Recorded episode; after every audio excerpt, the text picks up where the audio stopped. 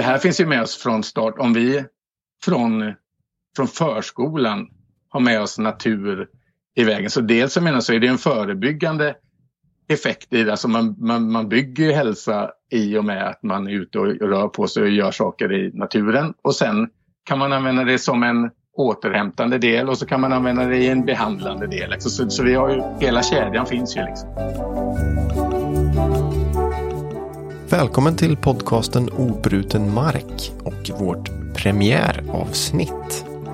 Du hörde precis en av dagens gäster, Ola Bergqvist. Projektledare för verksamheten Häng med oss ut. En verksamhet som görs inom Friluftsfrämjandet där själva friluftslivet används som metod för psykisk hälsa. Det startade i skånska Sjöbo som ett samarbete mellan socialpsykiatrin och Friluftsfrämjandet och har nu vuxit och finns på åtminstone 25 platser runt om i hela landet. Idén är enkel.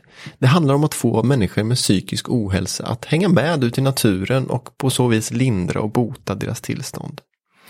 Här får du också träffa Maria Samuelsson som eh, kom i kontakt med Häng med oss ut genom sitt tidigare jobb i Region Skåne och som idag utbildat sig som ledare för Friluftsfrämjandet i metoden. Maria var med och gjorde något de kallade för en brukarrevision av verksamheten för ett par år sedan. Revisionen visade, som Maria uttrycker det, vad man redan visste. Att metodiken är uppskattad av både deltagare och ledare. Och kanske viktigast av allt, att det får faktiska effekter för deltagarnas mående. I podcasten Obruten mark, samtal om social innovation, kommer vi varannan vecka vända och vrida på vår tids komplexa samhällsutmaningar. Så som idag till exempel kring psykisk ohälsa. Vi vill fokusera på och lyfta fram nya och etablerade lösningar på olika problem, men också tänkbara vägar framåt. Olika personer, aktörer, frågor och perspektiv får utrymme under våra samtal, på såväl gräsrots som systemnivå. Obruten mark görs av Mötesplats social innovation vid Malmö universitet. Och jag som pratar heter Tom Rodro och kommer vara din värd i dessa samtal. Jag är jätteglad över att få dela det här samtalet med dig och hoppas att det kan ge nya insikter och perspektiv. Hopp om framtiden och kanske stimulera dig till att tänka nytt kring något du vill vara med och utveckla eller förändra. Håll till godo och hoppas att du ska gilla det. Ja, vad säger ni? Nej, det är bara att köra igång. Mm. Det är bara att köra igång.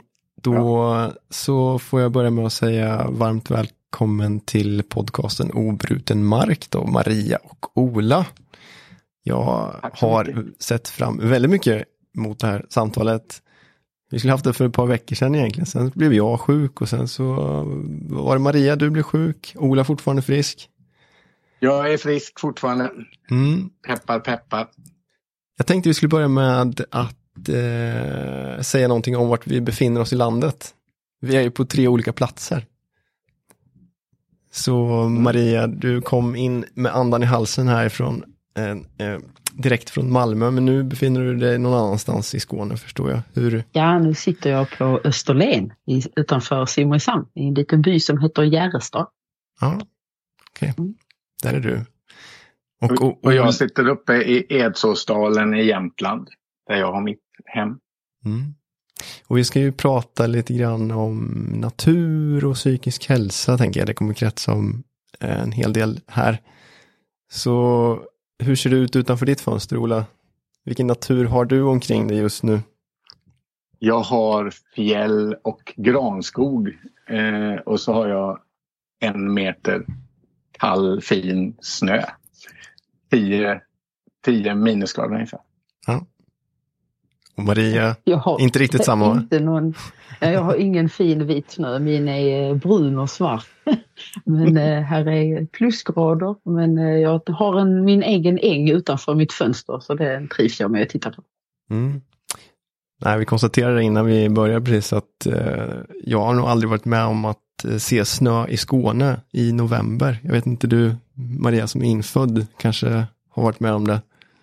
Ja, vi har faktiskt snö här ibland och vi hade väldigt mycket förra veckan. Eh, men mm. snön trillar ju inte rakt ner som den gör i vissa delar av Skå Sverige. Men vi har snön åker på sidan här i Skåne. Så att den lägger sig i fina drivor som man, bilar och bussar fastnar i sen. Mm. Men hörni, jag vill ju träffa båda er för att prata om, som jag ser i alla fall, en av de viktigaste frågorna som vi har, alltså vår hälsa. Och specifikt vår eh, psykiska hälsa. Och hur den hänger ihop också med den fysiska hälsan tänker jag att eh, är en del av det här samtalet. Eh, och bara som en kort eh, kontext så här så har ju Friluftsfrämjandet med start i, och nu får ni rätta mig om jag har fel här i, i någonting, men i start i skånska Sjöbo, eller hur? Mm, ja. eh, tillsammans med socialpsykiatrin eh, från början, eh, där man använder naturen som ett verktyg för att eh, återhämta sig från psykisk ohälsa. Och det här går alltså ja. under namnet Häng med oss ut. Allting rätt hittills. Så jäkla skönt. Men du Ola, skulle du vilja börja med att kort presentera vad den här metoden går ut på kanske? Mm.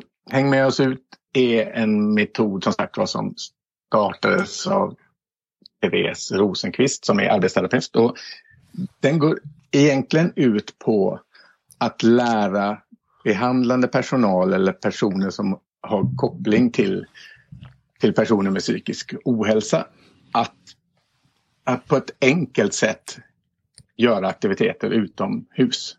Lite, det är på något sätt att, att berätta hur enkelt det är att nyttja naturen och att liksom få behandlande personal att våga ta steget ut i naturen. Men sen, sen bygger metoden på fyra grundpelare. Den bygger på naturens eh, läkande effekter kopplat till psykisk hälsa. Den bygger på kamratskap, kamratstöd och den bygger på arbetsterapins eh, teorier kring aktiviteter. Och sen bygger den på återhämtningsteorier. Då. Mm. Eh, och i stort kan man säga att det handlar om att på ett väldigt kravlöst sätt med väldigt låga trösklar komma ut i naturen och på ett enkelt sätt samlas eh, runt en eld, runt en kopp varm kaffe från en termos eller alltså bara på ett... alltså, hitta sätten att komma ut i naturen. Eh, och, eh, och därifrån, liksom, utifrån helt kravlöshet att man inte ska behöva göra någonting i stort sett mer än att hänga med. Så, så, så skapas en inre motivation hos de flesta deltagarna som är med. Att man liksom börjar hitta tankar, hitta tillbaka till gamla intressen eller hitta nya intressen. Man börjar prova på, så man börjar få, så man hjälper varandra och så vidare. Så att det är en det, det, som är bästa med den här är att den är så enkel den här metoden. Och det är liksom det och att det går att anpassa den till på så många bra sätt. Det handlar bara om att få och, och ledarna som har mitt, som, som gör, som då är då Häng med oss utledare, de behöver inte vara duktiga på friluftsliv. Alltså det, man behöver inte vara någon expert på någonting utan det handlar mer om att de ska tillhandahålla eh, en trygghet till att börja med. Men sen är det här kamratstödet, alltså så deltagarna själva hjälper varandra och, och, och, man hjälps åt och deltagare och ledare är liksom det är på lika villkor man är ute när man väl har kommit ut. Så att, eh, ja, så. Finns det någon typisk deltagare som man kan se framför sig? Ja, men jag skulle säga att eh, för de, alltså nu sprider sig Häng med oss ut-metoden på väldigt många olika, eh, till olika målgrupper. Men från början så var ju deltagaren kanske den personen som, som mådde så pass dåligt eh, att man inte riktigt orkar ta sig ut. Man kanske, till, man kanske vet att man mår bra när man kommer ut. Och man vet att man mår bra av att ta en promenad. Men man orkar inte. Man behöver det här lilla extra stödet. Man behöver en person som man har tillit till, som man känner från början, så, som kommer till en, knackar på dörren och säger häng med på det här. Liksom. Och, och, och, man måste också få möjligheten att säga nej ett antal gånger men att personerna kommer tillbaka och ger, in igen, ger möjligheten och möjligheten finns och så. Så till slut så kommer man med ut. Och det skulle jag säga att det är det stora steget. Liksom. När man väl har kommit ut dit sen så är det oftast så att man landar in och känner liksom det här, att, att det här gav mig någonting väldigt bra, det här vill jag vara med på vidare. Det var inte så farligt och så vidare. Eh, så så att de personerna som, man, som, som, som var initialt som man vände sig till, det var de personerna som inte hade resurserna att komma ut själva. Så, mm. Och som på ett, sen på ett ganska kort tid i en sån får de här resurserna. Så det är ganska många som efter en sån här tid har liksom möjligheten att ta sig själva ut också. Eller ringa till sin kompis och, och ta promenader. Så det är ju startsträckan som är stora prövningen så att säga. Just det. Och Maria, eh, du jobbar ju inte på Friluftsfrämjandet som Ola gör utan du har en annan koppling till Häng med oss ut. Skulle du ja. bara vilja dela den? Hur kom, hur, kom, hur, hur kom det sig att du hittade Häng med oss ut? Alltså egentligen hittade ju Häng med oss ut mig i mitt jobb. Ja. Jag jobbade tidigare som eh, brukarinflytandesamordnare i sydöstra Skåne i fem kommuner. Där då Sjöbo är en av kommunerna. Där då som Ola berättade man började med Häng med oss ut. Det var ju 2016 som man började med grupper så det är ganska många år sedan. Och eh, då har jag fått förmånen att också träffa deltagarna som har varit med i de här olika grupperna. Och eh, vi har gjort något som heter brukarrevision. Där vi har intervjuat både deltagare och ledare utifrån deras upplevelser av att vara med i Häng med oss ut och vad det har betytt för dem och gjort skillnad. Och, ja, så. Eh, sen har jag nu på senare tid också utbildat mig till ledare i konceptet av friluftsliv för psykisk hälsa. Ja, okay. För att jag har fattat det här som Ola pratade om också att det behöver inte vara så svårt att komma ut. Eh, jag är verkligen ingen eh, sån här skogsmänniska från början och har tyckt att eh, gud vad jobbigt att gå ut i skogen. Det är massa pinnar och skit i vägen. Men att det, det hänger med ut-konceptet är ju just det här att man gör det så enkelt som möjligt och att se att vem som helst kan faktiskt göra lite nytta i gruppen och så vidare och hjälpa varandra. Just det, så du har massor av olika kopplingar till verksamheten egentligen då? Ja.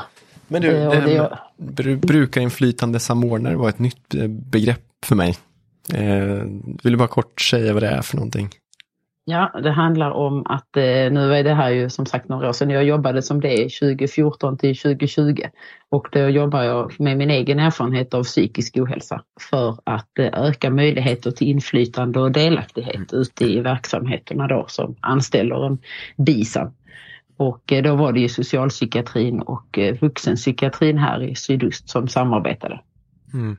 Att, det gjorde jag då och sen utbildade jag mig till peer supporter som är en person med egen erfarenhet. Och eh, det jobbar jag då, just som Ola nämnde, som kamratstödjare men att man jobbar för att eh, använda min egen erfarenhet för att stötta andra till att eh, hitta hopp och se möjligheter till psykisk hälsa. Just det. Och Maria, jag var lite osäker på hur mycket du själv vill dela med dig av din egna erfarenheter, men nu känns det ju som att du lägger upp för den frågan lite grann. Så jag brukar inte vara så känslig. Nej, sen vet jag ju också att du har eh, delat med dig genom Instagram eh, som jag har kollat upp. Men hur ser din egen erfarenhet ut av psykisk ohälsa?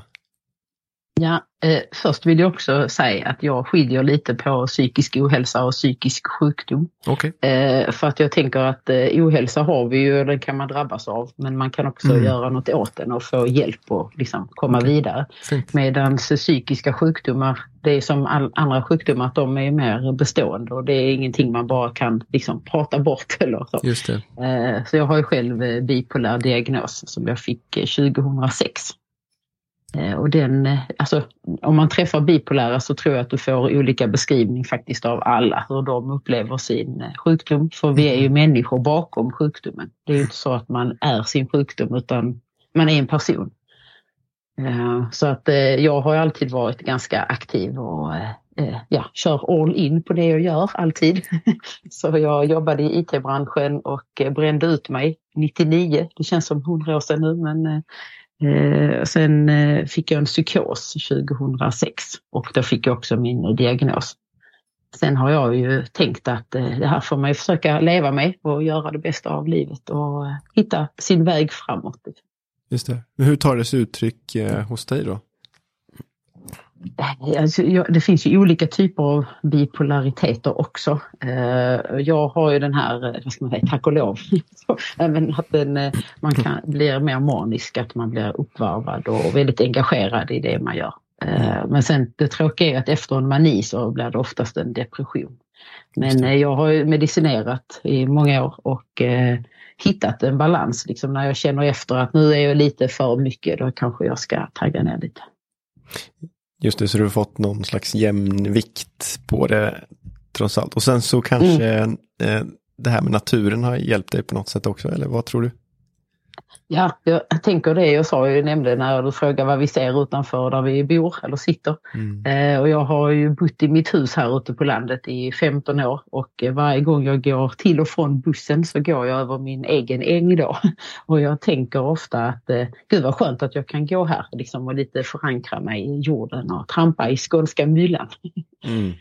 Ja, eh, det är liksom sån vardags naturen som jag tänker att man får där. Jag vet också, Ola, att du är ganska ny, va? Har jag fått rätt då? Alltså du är ganska ny på Friluftsfrämjandet och är också i Häng med oss ut.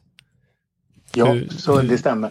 Ja, hur, och hur hittade du då till, till det här? Ja, ja jag har... Eh, jag kom i kontakt med friluftsliv och psykisk hälsa 2001 då jag fick ett jobb här uppe på eh, Östersunds sjukhus, sjukhus kopplat till specialistpsykiatrin och jag fick en forskningsrapport som hette Rekreation och psykisk hälsa i handen och så sa de gör något av det här. Då hade Östersunds kommun och Jämtlands läns landsting som det hette då hade gjort en satsning och tagit hjälp av en, en eh, professor tror jag han var i, på Sahlgrenska som hade gjort en forskningssammanställning om rekreationens betydelse för psykisk hälsa.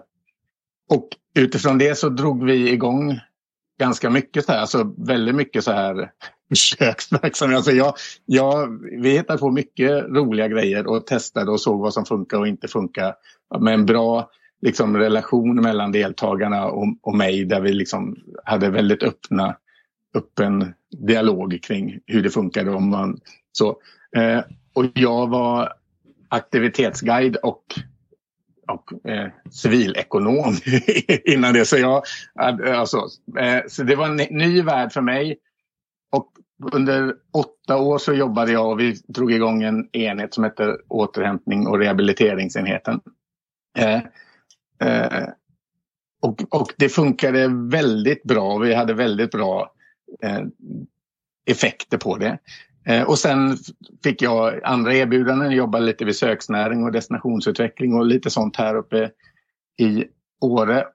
Och, och, men hela tiden hade jag suget att, för jag kände liksom att det här, det är någonting, alltså det, jag, jag gillar det här arbetet, jag tycker det är så meningsfullt. Och samtidigt så kände jag en jättefrustration för att jag tyckte att det, vi stod och stampade. Liksom. Jag hörde och hade koll på vad som hände och man det var hela tiden återkommande. Nu har vi sett att det här har bra effekter på, fri, på psykisk hälsa. Nu ser vi att det här... Och man bara, ja fast det har vi vetat i 20 år nu. Liksom. Nu måste vi komma till huret. Hur sprider vi det här i Sverige? Hur gör vi så att man det liksom inte ska vara beroende av att det är en eldsjäl, att det är projektpengar, att det finns lite några politiker som, är, som liksom just nu är beredda att satsa pengar. Alltså hur gör vi för att göra någonting som är hållbart och långsiktigt och som liksom är utbrett i Sverige. Som att man, om man är en person som har en psykisk ohälsa av något slag kan få de här insatserna. För att det funkar ju liksom, och det är enkelt och det är kostnadseffektivt. Det finns liksom ingenting som inte säger att man ska göra det. Det, finns, det är åt, alltså, eh, eh vad heter det, alltså, nu tappar jag ordet men Eh, vad säger, bi, eh, alltså effekt, vad säger man? Bieffekt? Nej, vad ja, säger man? Ja, det kan man säga. Ja, men det som är man får, alltså, ja, det är liksom inga... Ja, det, är inga, nej, men det är inga bieffekter. Så här. Man, det, det, är liksom inte så att man blir dås. Alltså så, det är liksom, det är positivt. Sen absolut måste man ha en metod som funkar. Man måste ha, det måste finnas en struktur i det. Man, det, är liksom, det finns vissa, vissa kan man åka ut och klättra med och det är bra andra skulle tycka det var jätteläskigt. Alltså, för det handlar ju om, en, det handlar om att bygga upp den metoden. Men mm. där var jag. I alla fall, och i min frustration.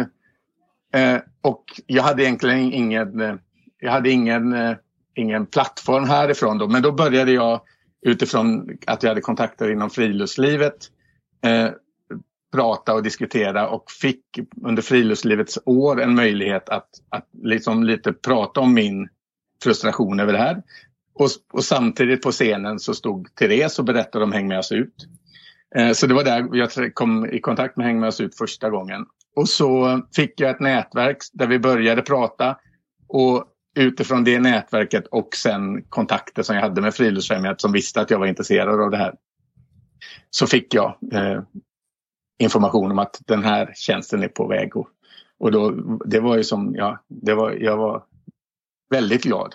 Träffa rätt. och jag, att det, jag, har mitt, jag har mitt drömjobb även om det bygger på frustration över att det händer för lite. Men eh, det, det här är ju på gång att hända. Så att det, är du fortfarande frustrerad eller är du mindre frustrerad nu? Nej, alltså jag, alltså det, det, frustrationen minskar ju i och med att man får verktyg att kunna jobba med det. Liksom på, så det var mer frustrerande att sitta eh, som en ensam person och liksom dra, försöka dra i saker. Och nu har jag ju en, alltså Friluftsfrämjandet har ju en, en, en bredd och en styrka. Liksom. Där finns det ju väldigt bra, man kan ju bli hörd och man kan man når ut både ute i, i myllan och man når ut in till, till beslutsfattarna högst upp i landet också. Så, att säga. så det är ju en fantastisk del. Men, men jag har också nu, bara i veckan har jag liksom kontaktat en del forskare och sånt som Alltså jag sökte på grön hälsa i, i förrgår. Fick upp en artikel från 2012 där det stod exakt det som vi står i idag. Och man bara, ja, det har inte hänt något på tio år. Så då kontaktade jag den forskaren och så frågade jag, hur, hur ser du på det? Är, det? är det på gång det här? Det som ni, som ni Han bara, tyvärr måste jag säga att det, att det står, jag håller med, det står och stampar liksom. Så att vi måste kraftsamla oss. Vi måste liksom hitta, jag tror att, jag tror att vi för många som gör saker lite spridda. Alltså det finns jättemånga bra initiativ över hela landet. Superbra grejer. Det finns många bra nätverk och folk pratar inom de här nätverken. Men vi skulle liksom behöva samla oss och bli liksom en, en enande röst som, som börjar berätta. Och jag tänker att det är inte så lätt att veta eh, effekten av det. Men då är det ju vi som måste berätta det. Vi måste liksom visa ännu mer att, att på de här positiva effekterna och på mm. att det kostar lite och att det är liksom en, att, och att det är någonting som finns med oss. Alltså, det här finns ju med oss från start. Om vi från, från förskolan har med oss natur i vägen. Så dels så menar så är det en förebyggande effekt i det. Alltså man, man, man bygger hälsa i och med att man är ute och rör på sig och gör saker i naturen. Och sen kan man använda det som en återhämtande del och så kan man använda det i en behandlande del. Så, så vi har ju, hela kedjan finns ju liksom. Mm. Ja, men det är intressant ja. det där Ola, alltså, hela, hela resonemanget kring att vi vet så mycket om vad som är rätt för oss att göra egentligen. Och, och där kan man ju dra till andra områden också. Jag tänker på en fråga som vi ska eh, behandla också, handlar om fysisk aktivitet. Eh, som ju är nära kopplat till att vara ute i naturen och röra på sig. Så vet vi ju också att vilka effekter det har på vår hälsa. Men ändå så verkar det som att vi inte tar till oss det där riktigt. Eller eh, frågor om klimat och miljö till exempel. Där vet vi ju allt vi behöver veta men ändå så gör vi ofta motverkande eh, grejer. Så det, det, jag vet inte vad som det säger om oss som människor. Nej, nej. Nej, men, så är det säkert. Ja. Jag tänker, eh, du var inne på det här med forskning också och eh, jag tänkte Maria, ehm, hur du skulle säga, det behöver inte komma från forskning nu Maria, men, men det kan ju vara från dina egna erfarenheter och de samtal du har haft med brukare. Alltså hur skulle du liksom sammanfatta effekterna från det du själv har upplevt och från de du pratat med? Att vara ute i naturen ja. tänker jag, ja, att eh, det, det, här, bara det att komma hemifrån, Ola var ju inne på det innan, att eh, man kanske har jättesvårt att komma ut. Man vet att ja, men jag borde ut och gå en runda. Jag har skogen ganska nära. eh, att eh, det är rofyllt att vara där eller att ja, man kan samla kraft och så vidare. Och även om man vet det så är det ju en helt annan sak att verkligen ta sig typ i kragen och göra det. Mm. Eh, och jag tänker att eh, det pratar om frustration så är det väl egentligen den frustrationen kanske ganska många känner för att mår man dåligt och eh, kanske är i depression eller eh, man har tappat liksom all initiativförmåga. Men man vet att man mår bättre om man går ut och ändå går man inte ut. Eh, så att där tänker jag det här konceptet med häng med ut när man, det är några som är mer drivande och eh, kan planera och man gör samtidigt så eh, hjälp de som är i en grupp då kan också stötta varandra. Att, ja men herregud, förra gången sa du det var jättejobbigt att åka iväg men när du väl kom ut så tyckte du det var jätteskönt att vara där. Att man kan påminna varandra om effekterna av att vara med. Mm. Ja, ni gjorde ju en brukarrevision, var det så det kallades? Ja, precis. 2021 var det va? Ja. ja. Eh, och... Kan du prata om frustration? För att det var ju det som Ola var inne på det här. Dels så har Häng med oss ut, när man startade projektet så tror jag Therese fick 30 000 på ett år som hon använde under två år och då hade de ju flera grupper och så vidare som kom ut i naturen och man gjorde det väldigt enkelt för sig.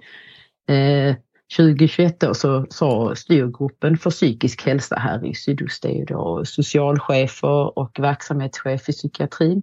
Då ville de ha belägg för att det här var gynnsamt för deltagarna. Så då ville de ha den här brukarrevisionen. Så att vi intervjuade 30-talet eh, deltagare och 20-talet ledare alltså det svaret vi fick fram visste vi ju också redan. Ja, Där satt ju vi med egen erfarenhet som brukarrevisorer och bara ja, vad hände när ni var i naturen? Jo, ja, det hjälpte mig och jag blev piggare. Jag kom upp ur sängen och ja, alltså vi fick ju bekräftelse på att de deltagarna som var med utvecklade sina alltså, tidigare förmågor eller så provade de nya saker som de aldrig hade gjort. Och eh, några deltagare tyckte det var fascinerande också att eh, då, de som man såg som sin personal i vanliga fall, som nu var ledare, att de var ju kanske sämre på vissa saker än vad man själv var. Fast att man mådde jättedåligt så hade man en kunskap. Någon eh, paddlade kanot och då vågade inte ledaren åka med mm. till exempel. Jag tyckte det var så himla fint just det där Maria. Att man kan gå in som ledare eh, och, och, och liksom känna att jag behöver inte kunna allt. För ibland Nej. så blir det en sån himla stor press på en att man ska vara ledare. Då ska du kunna ha alla svar. Du ska veta hur du gör upp eld och hur du förtöjer en kanot och vad det nu kan mm. vara. Men eh, det blir något fint i att man blir lite mer jämnbördig då i, i, den, i det avseendet. Jag tyckte det var fint att läsa. Mm. Det är ju många som har lyft, tänker jag generellt, att eh, man också har om vi nu säger personal eller ledare som träffar kanske en deltagare hemma i sin kommun och är boendestödjare och tror att den här personen orkar och kan ingenting. Sen träffas man ute i skogen och så visar det sig att den här personen kanske har, är fågelskådare. Men man har liksom aldrig kommit in på de samtalsämnena hemma i lägenheten tidigare. Nej. Det var en annan grej som jag också fångade upp från den här rapporten som jag tyckte var fascinerande. Alltså, som, som, jag tror att i alla fall några av dem ni pratade med sa så här, men det kan vara svårt för mig att komma in i ett nytt socialt sammanhang och du vet, den klassiska, gå och fika eller gå på en middag eller vad det nu kan vara. Det är ganska uppstyrt och har normer kring hur man ska vara, säga och göra. Medan det i naturen är ett rum som är mer eh, flexibelt och accepterande. Alltså att det var okej okay att jag går iväg en stund. Ja. Om jag känner att jag bara, men jag pallar inte att prata mer, jag går och sätter mig på den här stocken eller vad, vad det nu kan vara. Det är inte något konstigt med det. Nej, det är sant. Och naturen är ju inte lika begränsande heller, tänker jag, just som ett rum, om du säger med fyra väggar. Utan Nej. Eh, här kan man ju faktiskt gå undan och, och eh, att man ser varandra på ett annat sätt också när man eh, kanske gör saker tillsammans rent kreativt och skapar ihop. Och, man kommer närmare varandra fast ändå är det friare. Mm. Ja, för jag känner själv igen mig i det där. Inte är så bekväm i alla sociala sammanhang. Men att kunna vara ute och röra på sig tillsammans och göra någonting på det där sättet öppnar upp ens horisonter på något sätt. Och det är inte så farligt. Det är lättare att prata när man går, till exempel, kan jag tycka.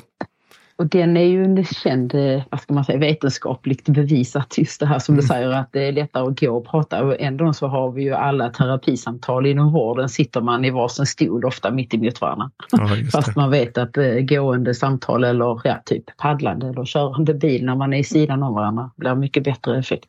Mm. En fråga som jag funderat på och, och ni får ju liksom svara så, så bra ni kan här. Men vad är det egentligen som, som händer i våra kroppar och huvuden när vi är ute i naturen? Jag kan, jag kan börja. Det är, mm. alltså, några enkla grejer.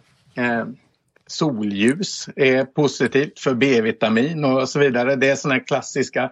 Så man blir piggare av att vara ute i solljus än att sitta i en, en lägenhetsljuset. Så.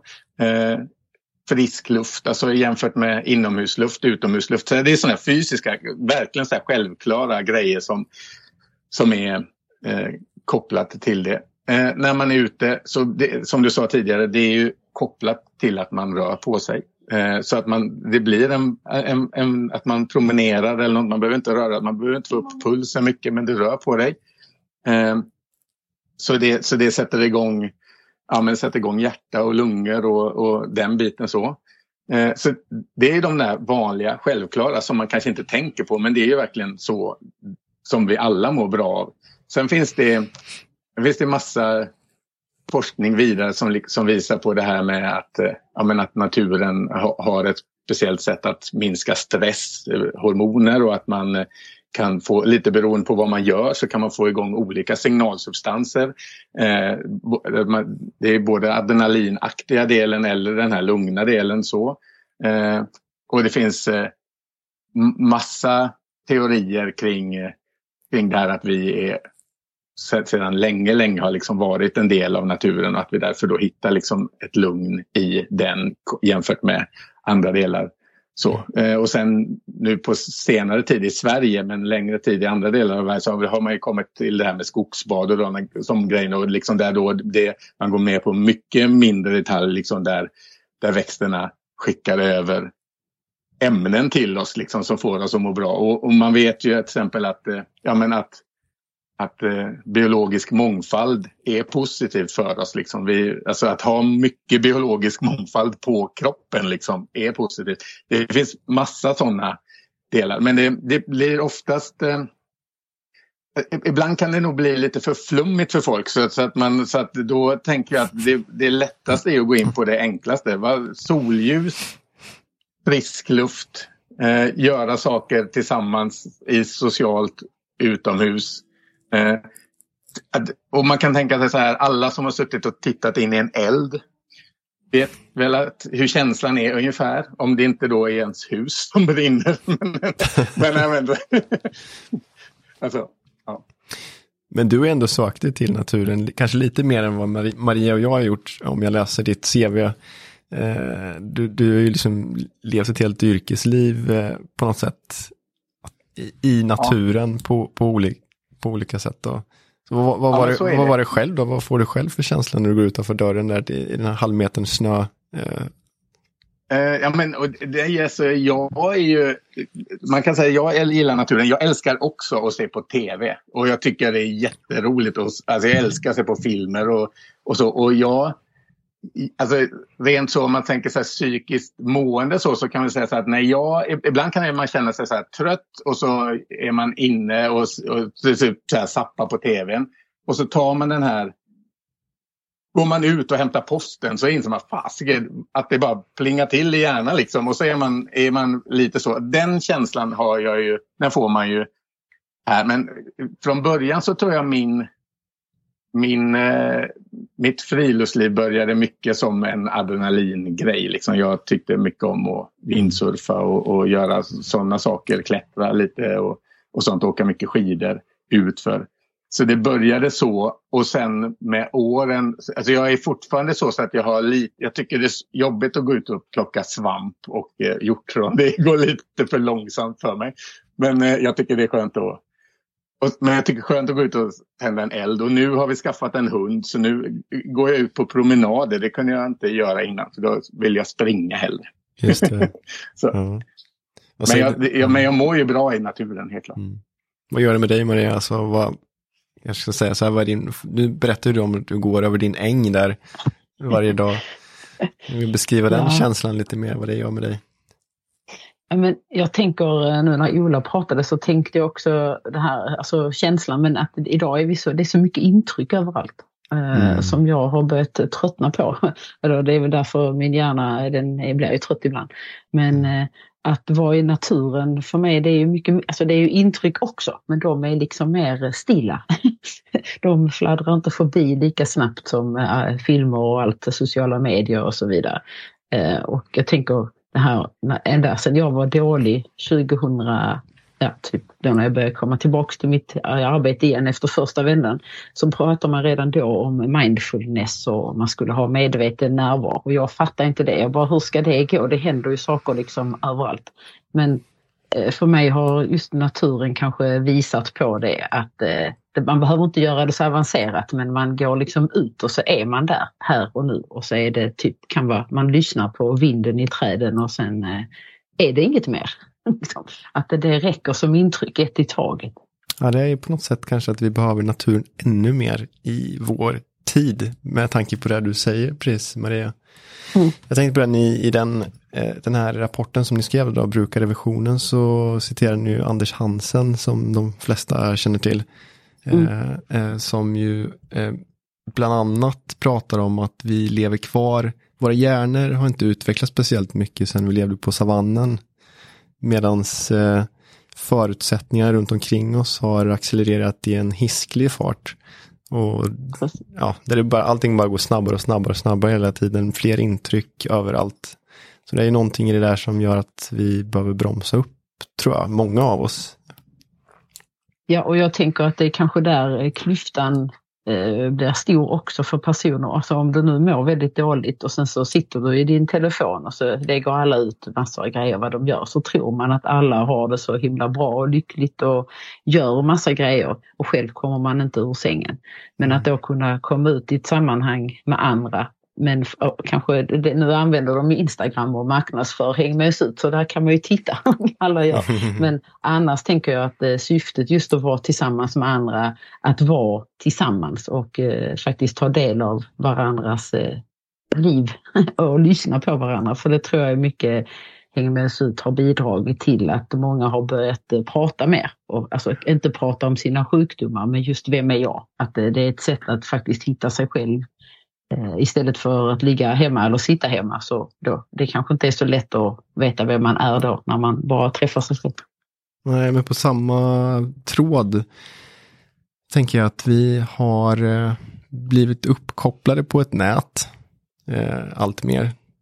Samtidigt som vi har blivit frånkopplade från naturen kanske på samma sätt. Där, alltså min spaning är ju så att vi var mycket närmare naturen ja, det säger sig självt, liksom för 100-150 år sedan så levde vi ju med naturen på ett mycket större sätt än vad vi kanske gör idag. Nu förstår vi inte ens att vi är beroende av naturen. Nej. Eh, så det har uppstått en, en eh, klyfta där på något sätt. Jag vet inte, hur, hur, hur ser ni på, på det, eh, Ola?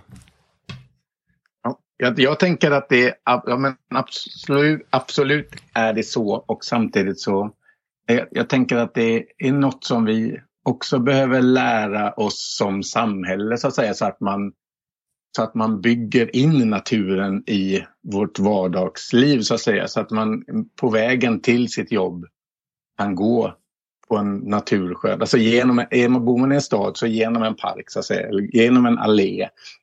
Att man liksom, för jag tänker man att naturen inte alltid behöver vara de här storslagna grejerna heller utan det kan vara det lilla där i, i många fall också. Eh, och, men, men jag tror att det är en jätteviktig del att ha med och i, i hela kedjan i samhällsbygget så att säga. Att man dels har så att man bygger samhällen som är, skapar möjligheter till naturkontakt. Att man gör lokaltrafik som gör att man kan ta sig ut till naturområden. Att man har stöd och hjälp till de personerna som skulle behöva det men som inte kommer ut så att säga till naturområdena. Så, så att man liksom har hela kedjan av, av, av eh, funktioner som gör att vi utan att tänka på det kanske kommer i kontakt med natur och utan att eh, eh ja, utan att behöva anstränga sig. Man ska inte behöva ha bil, man ska inte behöva tänka för mycket. Liksom. Det ska inte vara så jobbigt eller så höga trösklar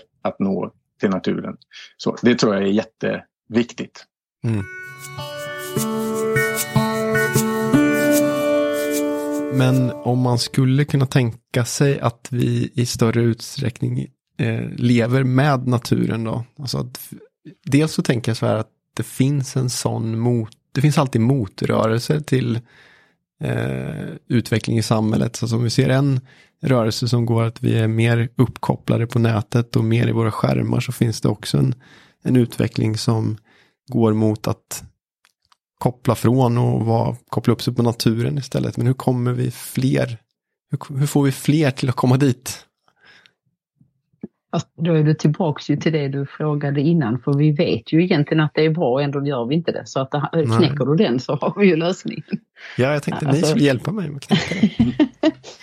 Eh, jag tror ju på sammanhang som vi pratade om innan. Att eh, mm. faktiskt själv försöka hitta sammanhang där de människorna finns som har kanske då mer lust eller mer ork eller Sen att de bor då kanske som Ola i Edsåsdalen hjälper inte mig på Österlen att komma ut. Men jag tänker det är det här, eh, här i sydost eh, till exempel så har vi också till exempel Friluftsfrämjandet och det finns ju scouterna och allt vad det nu är. Och jag tänker att eh, det här, alltså, om man är själv så är ju det bästa att söka sig till ett sammanhang. För det är ju inte så lätt att faktiskt göra själv. Utan då tror jag att man behöver vara i grupp. Liksom. Och är man i de grupperna så sprider man ju samma gemensamma anda. Så att. Och så får vi bara hoppas att de blir starkare än eh, skärmfolket. ja, sen, kan jag, sen kan jag tänka att det, det, finns, eh, det finns de här motrörelserna och så men, men det, de är ofta också ganska extrema. Liksom, så att det, man behöver inte vara off-grid för att, utan man kan ju fortfarande ha båda världarna. Man kan ju så att säga, känner man att man sitter och tittar jättemycket på sin skärm och så, så kan man ju börja med 15 minuter ut. Alltså det är ju lättare det än att säga mm. bryta totalt och så börja ett helt nytt liv. Så, så att man, jag tänker att hitta balansen som är, ja, men, som är lagom och som är hälsofrämjande och som gör att man mår bra och sen börja hellre smått än att sitta och ladda för att man ska göra något jättestor livsförändring. För det tänker jag är är svårt. Då hamnar man nog att man lätt är kvar i samma gamla fåra och, och tittar på skärm. Så, jag, jag tänker att, eh, att hitta den här balansen mellan både och. Liksom. Eh, och, och, så att det liksom inte bara är skärm. Men det behöver inte heller bara vara natur. alltså det, vi, vi har ju andra, andra värden i livet också tänker jag. ja, absolut. Nej, men vi befinner oss där vi gör i den tid vi gör med de utmaningar som vi har. Eh, men då snurrar vi tillbaka till Häng med oss ut på ett naturligt sätt tror jag. För du, Ola, sa ju att en av grundpelarna var kamratskap där och det har ju du pratat om Maria också nu ett par gånger. Så mm. vad ska vi säga mer om det? Alltså jag skulle vilja höra kanske med dig Maria då först och främst vad det betyder att spegla sig i varandras eh, livssituationer eh, i, en sån här, i ett sån här sammanhang. Det var ju en klurig fråga för jag tänker att eh, man kanske just inte speglar sig i sin, alltså nu tänker jag då att vad man har för ohälsa eller sjukdom. Mm. Alltså, utan det, jag tror att det, hela konceptet, att, men man vet sammanhanget man är i, att det är personer som mår mindre bra. Eh, så är man liksom trygg i det, att det är fler än jag som har det tufft just nu. Sen så tror jag inte att eh, när man har liksom träffarna i sig så har man inte pratat så mycket om just sin sjukdom eller sin åkomma för att på något sätt så är det det man inte vill ha just då för det är då man kommer hemifrån och hittar sammanhang där man kan, eh, ja, man, kan, man är den man är och så får man prova nya saker och framförallt det här konceptet med all inclusive som vi pratade om innan, att det ska vara enkelt att komma iväg. För att oavsett om du mår psykiskt dåligt eller inte så kan ju liksom, eh, heter det, tröskeln för att ta det ut kan ju vara att du inte ens har kläder till att faktiskt vara utomhus. Då måste du köpa dem. Eh, du har kanske inga pengar att köpa dem för och så vidare. Så att det är det jag tycker var det fantastiska med Häng med ut, att eh, man gjorde liksom förutsättningarna lika för alla oavsett eh, vilken sjukdom du hade eller vem du var. Utan det var att alla skulle kunna komma ut och få känna på eh, enkelheten att vara i naturen. Mm. Men Ola, du som har varit med i friluftslivet under många, många år. Alltså det, det, det är väl också så kanske att det du säger Maria, precis här med man måste ha vissa kläder och det ena med det andra. Så det måste man ju egentligen inte. Alltså det är väl bra om man, har, om man har bra skor som tål lite vatten och, och, och sådär. Men eh, det är ju en industri som har byggts upp kring friluftslivet också som, som gör att det blir ännu högre trösklar på något sätt. Ja, nej absolut. Och, och jag tänker mig att eh, ja, men, eh, friluftsorganisationer som Friluftsfrämjandet och andra ibland kan liksom, det kan bli väldigt mycket så här äppelkäckt och rödkindade människor på bilder. Alltså det är jätteviktigt att hitta liksom eh, den här bilderna som visar att vem som helst kan vara ute. Och jag säger så, man, man, det är jättebra att ha bra skor men det gör inte heller någonting om man har blöta fötter i en timme. Liksom. Alltså det, det går ju bra att torka skorna också efteråt. Det är ju det funkar ju liksom.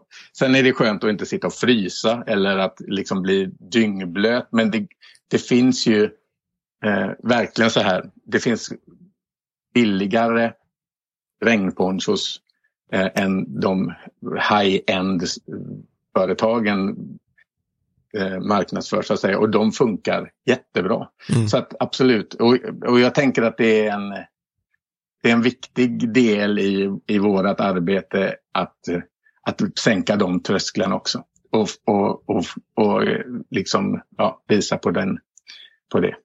Mm. Det är helt säkert. Vad blir nästa steg i, för Häng med oss ut nu då? Vad är det som händer framöver? Vad är några nya spännande satsningar som ni gör eller vad är det som är i pipeline?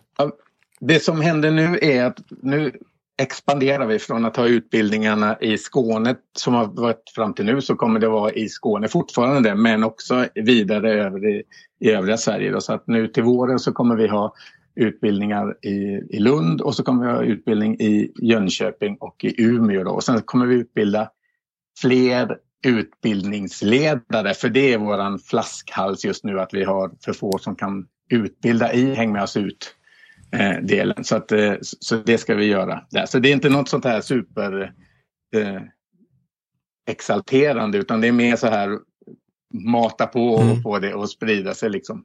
Så, som är. Och sen, eh, ja, sen tittar vi på eh, att eh, tillsammans med Uppsala universitet få en lite högre akademisk utvärdering på på metoden också. Så det ska bli spännande. Och just det, det kommer under året kanske då eller? Ja, precis, precis. Det börjar under våren här nu och fortsätter i ett och ett halvt år. Då.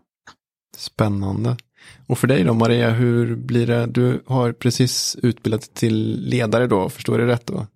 Ja, helt rätt. Vad händer härnäst för dig inom det här sammanhanget?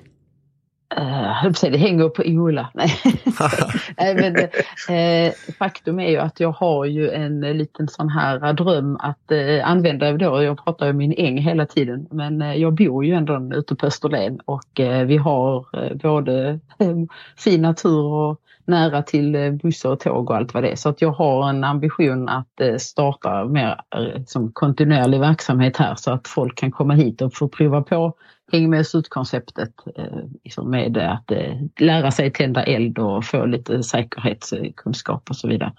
Eh, så då hoppas jag att 2024 att det kommer finnas en häng med ut-plats här i Österlen. Ah, fantastiskt. Om... Det låter toppen. Ja, men det får vi ju.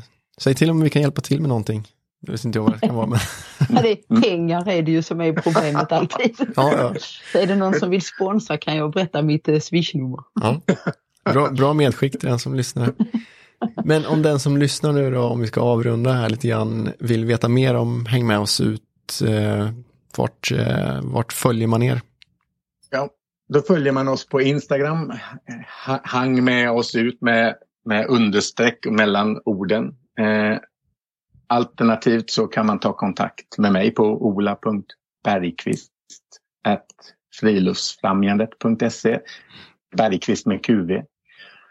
Och vi finns på Friluftsfrämjandets hemsida. Man, om man söker på Häng med oss ut så hamnar man på, på det. Och om man vill bli eh, ledare som Maria då, kan, man, kan vem som helst bli det eller?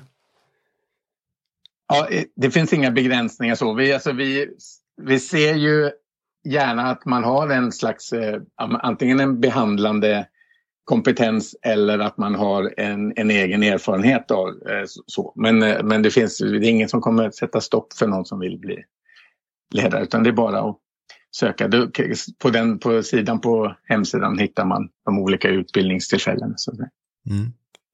Och om man vill följa dig Maria eh, så har ju du ett, lite andra engagemang också. Det kanske vi kan lägga ut här sen. Ja, det får vi gärna göra. Ja. Eh, nej, men jag är ju peer supporter och utbildad i eh, något som heter personal medicine. Och det handlar om att eh, hjälpa individer att hitta sin varje dags medicin som inte är piller.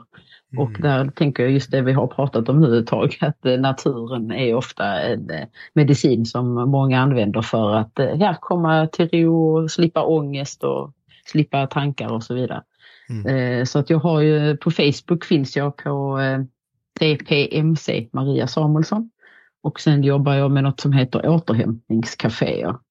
Eh, där vi tar upp olika ämnen för eh, återhämtning till psykisk hälsa. Mm. Då kan man också googla på det. Maria och Ola, vilken eh, ynnest liksom att få en liten stund med er här. Efter många försök så fick vi äntligen till att ses, i alla fall via skärmen. Så hoppas jag vi kommer träffas i verkligheten här någon gång framöver också jag är i alla fall väldigt inspirerad av det ni gör. Så keep up the good work. Så hoppas vi ses Tack. framåt. Tack för samtalet.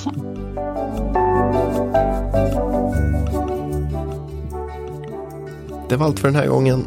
Tusen tack för att du har lyssnat. Om du vill veta mer om social innovation så kan jag tipsa dig om att besöka vår hemsida socialinnovation.se och att följa oss på sociala medier såklart. Och du, om du gillade det du hörde så skulle vi bli superglada om du vill tipsa vänner, bekanta och kollegor om att också lyssna. Dela gärna avsnittet vidare i dina kanaler. Och för all del, kom med förslag på samtal som du vill höra i den här podden. Hör i så fall av dig till mig på tom.rodro.mau.se och där stavas tom.roodro.mau.se ha det bäst tills vi hörs igen. Kram på er.